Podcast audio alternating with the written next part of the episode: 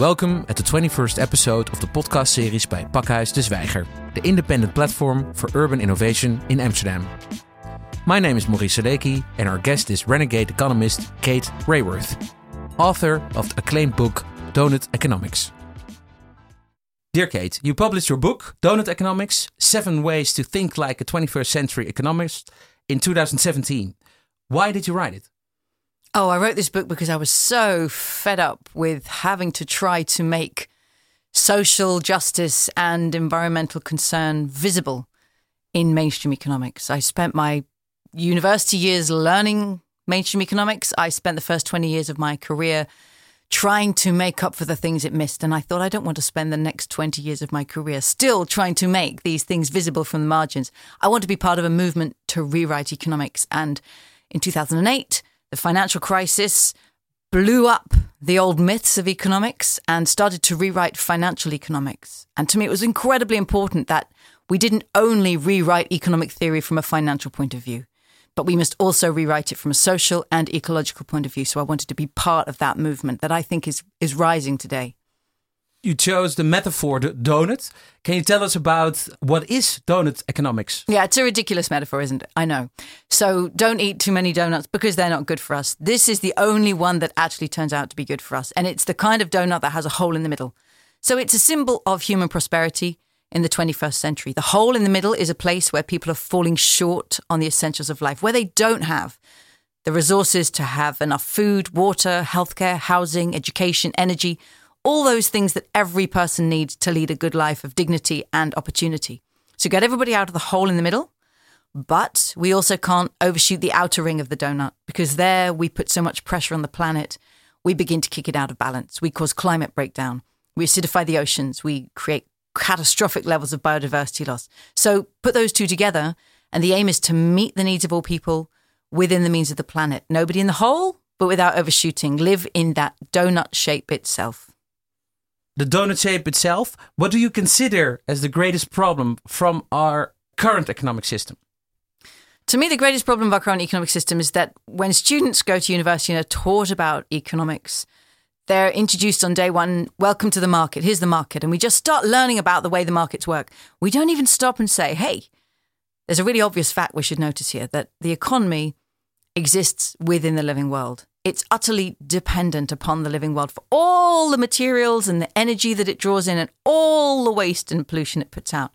By the way, the economies also completely depend upon the unpaid caring work of parents, traditionally women, all the cooking, washing, cleaning, sweeping that goes into raising children and making labour ready for work every day. Well, when we teach economics, ignoring the living world, ignoring unpaid caring work, we're ignoring two of the most fundamental sources of our well being.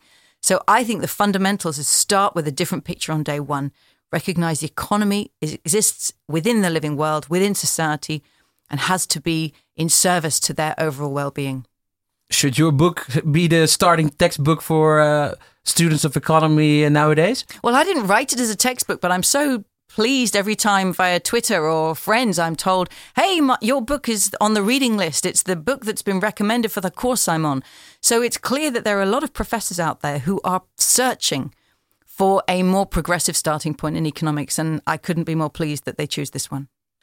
The current uh, economic system is very focused on a traditional belief of growth, that growth is good for you. Can you explain the focus of our current system on growth? The hyper focus almost uh, on growth. Yeah, the hyper focus. It began back in the 1930s when the brilliant economist Simon Kuznets in the US was asked to come up with a single number to measure the output of the US economy. He did. He called it national income. Today we call it GDP. He also said you could scarcely measure the welfare of a nation with this number. He warned us, don't, don't do that. But of course, the power of that single number becomes almost irresistible to policymakers. And we became obsessed with growth. By the way, it was in a century where growth was pretty easy for today's high income countries because there was this cheap energy. So growth just was coming and coming, and we assumed that this was just normal and permanent.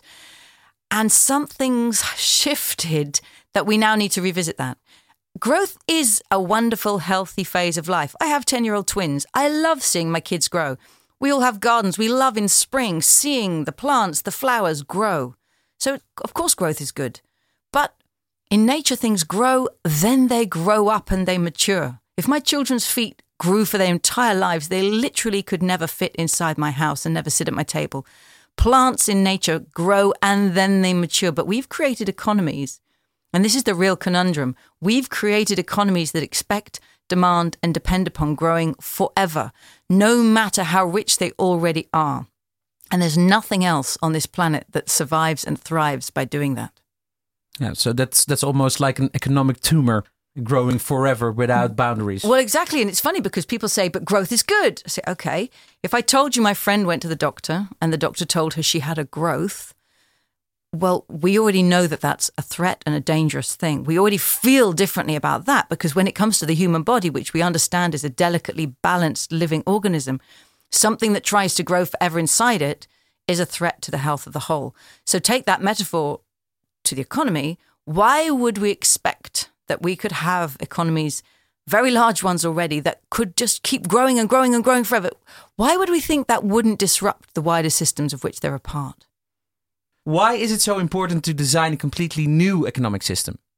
I think the first pictures we encounter, the first concepts, really powerful in framing everything that comes after. And we need to start again with assumptions that are fit for our times. I swear, if the economists like Adam Smith or John Maynard Keynes or John Stuart Mill or uh, Jan Tinbergen, these, these economists who were alive a long time ago, if they're alive today, they would be the first to roll up their sleeves and say, hey, the situation's changed. Our understanding of our dependence upon the planet has changed. We need new theories that are fit for the times. It's crazy to use theories that were drawn up in a completely different century, by the way, largely by rich white northern men who had one particular perspective of the world, but neglected women's work, neglected nature, neglected poverty.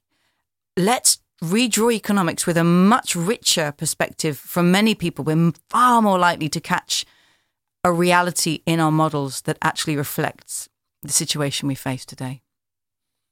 Pakhuis de Zwijger is a platform for urban innovation. What role do you see for cities in the transfer from the traditional economic system to a more circular economic system? I think in the 20th century, we got very focused on the nation state and uh, nation led development. And what we're seeing bubbling up all over is actually ambition at the city level. Something about cities, their dynamism, the size of their population, people's strong identification with them means that cities are a great place to innovate. I couldn't be happier than to be here at the Pack House today because we are actually going to be running a workshop with citizens of Amsterdam talking about taking the donut concept, which was originally a global concept, and bringing it not to the national scale, but straight to the city scale. What would it look like to create a donut for Amsterdam? To say, how do we meet the needs of all people here within the means of the planet? And this evening, we're going to be inventing that. We've never done it before. It's an experiment. Some of it will work, some of it won't quite work. That's the purpose. That's why we're learning. And I couldn't, I couldn't have a better city willing to enter this experiment with me than in Amsterdam. And why? Why is Amsterdam so special? Oh, every time I come here, I find people who want, who are just pioneering at the cutting edge. There's an experimentation, there's an openness. The event, in fact, this evening got set up in about five minutes. We just said to a couple of people, could we do this? And the immediate answer was yes, yes. And it's just an atmosphere that I, I'm not finding in my own country. I don't find in many other countries. It's an openness to let's see what happens if. So, if we uh, would ask you for a best practice of a city which is capable of transferring or building to the transferring to the circular economy, then Amsterdam would be one of your examples. Well, if, uh, let's see, right? We haven't seen it practice yet, but I'm cert- I certainly encounter people here. There's an organization called Circle Economy that's doing really great work, not just in Amsterdam, but internationally. I've spent today, Ministry of Environment, talking to the minister, talking to many of the directors. There's an ambition on introducing circular economy measures here. I expect a lot from this place, from the Netherlands and Amsterdam. Since your book came out in 2017, book received lots of acclaim. Also in the Netherlands, uh, you are were invited by the the parliament uh, here uh, last year.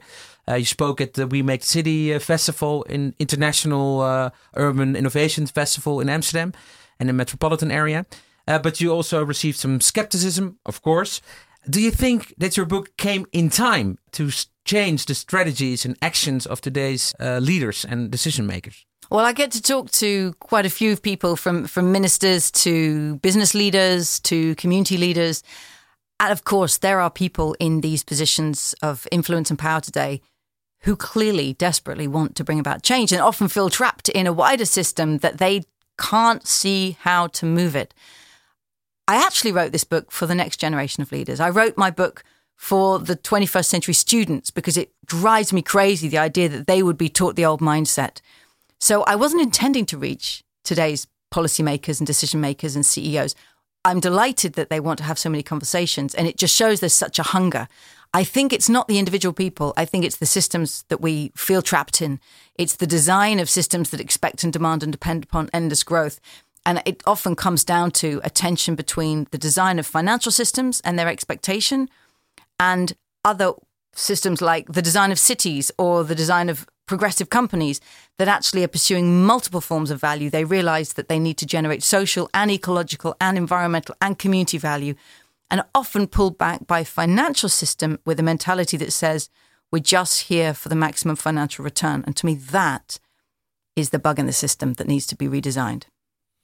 And if you're now a student of economics or business or politics, what can you do now? Talking of students, it's high school students who are demonstrating this, isn't it? All over Europe, across America, across Australia, going on school strike led by 15, for the climate. For the climate, fifteen-year-old schoolgirl Greta Thunberg, who just started sitting outside the Swedish Parliament every Friday in outrage and despair. Uh, probably for a long time, people said, "Well, that's ridiculous, Greta. Go back to school, go and learn something." But she sat and she sat and she sat, and she began to build critical momentum. She began to build moral leadership, and now she's been at the United Nations. She's been at the World Economic Forum, and people listening. So there's a real power of youth that I think high school students and university students are only just beginning to tap into, only just beginning to realize that it's very powerful to put up your hand in a room full of decision makers and say, I am 17 years old. Because today's decision makers and eh, systems have cut short the long term view, have cut short concern for the future that these students will actually inherit. So they can lead with their moral leadership but also as the young graduate going into a workplace, suddenly feeling that you have to adopt the language of the mainstream and show that you can be professional. Perhaps this is the moment to actually bring with you your values and your moral clarity and your vision and flip the onus of expectation, flip it to the leaders and say, why are we not acting? On what grounds can we justify not acting? We know enough science, we know enough information. Explain to me why we're not doing more. And I think more and more people are beginning to dare to do that in their place of work. You uh, describe yourself on Twitter and also on your website as a renegade economist.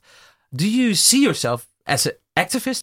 After leaving university, I was so frustrated and disillusioned by the language of economics. I never wanted to introduce myself as an economist, which meant I wasn't really anything. And anyone described, you know, what do you do? I couldn't really describe myself. I was only willing to use the word economist when I thought, oh, I can be a renegade economist. That fits. Am I an activist? I think we should all be activists. I mean, in a literal sense, be active. These days, if you're not active, then you're inactive. And who can justify being that?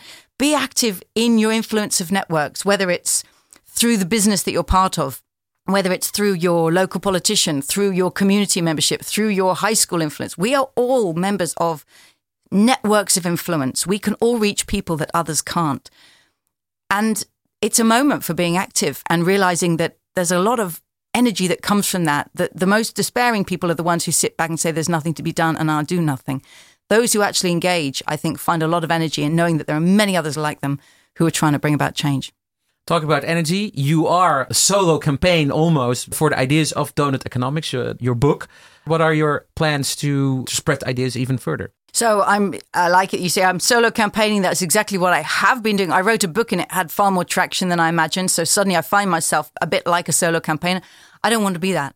I want to be part of a team and I see myself as part of a very big international network. I'm now setting up a small organization. This is the first time I say it publicly on air.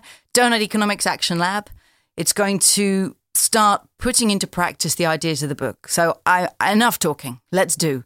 Let's show how the ideas of donut economics can help transform cities. That's exactly what we're starting here tonight. Let's show how it can work for businesses and how companies can pick it up and, and work differently. Let's show what governments can do when they embrace these ideas. What schools and communities can do when they take it to the heart of their work. So that's exactly what I'm doing. And I'm really excited about the future. So Kate Raworth is starting a movement. I'm joining many, many movements, and I'm starting my little craft, my little boat. I think of I think of a movement like a whole flotilla of boats all sailing off in the same direction, and I think I'm I'm blowing up my rubber dinghy of course in the shape of a donut. I'm jumping in and joining a bigger movement.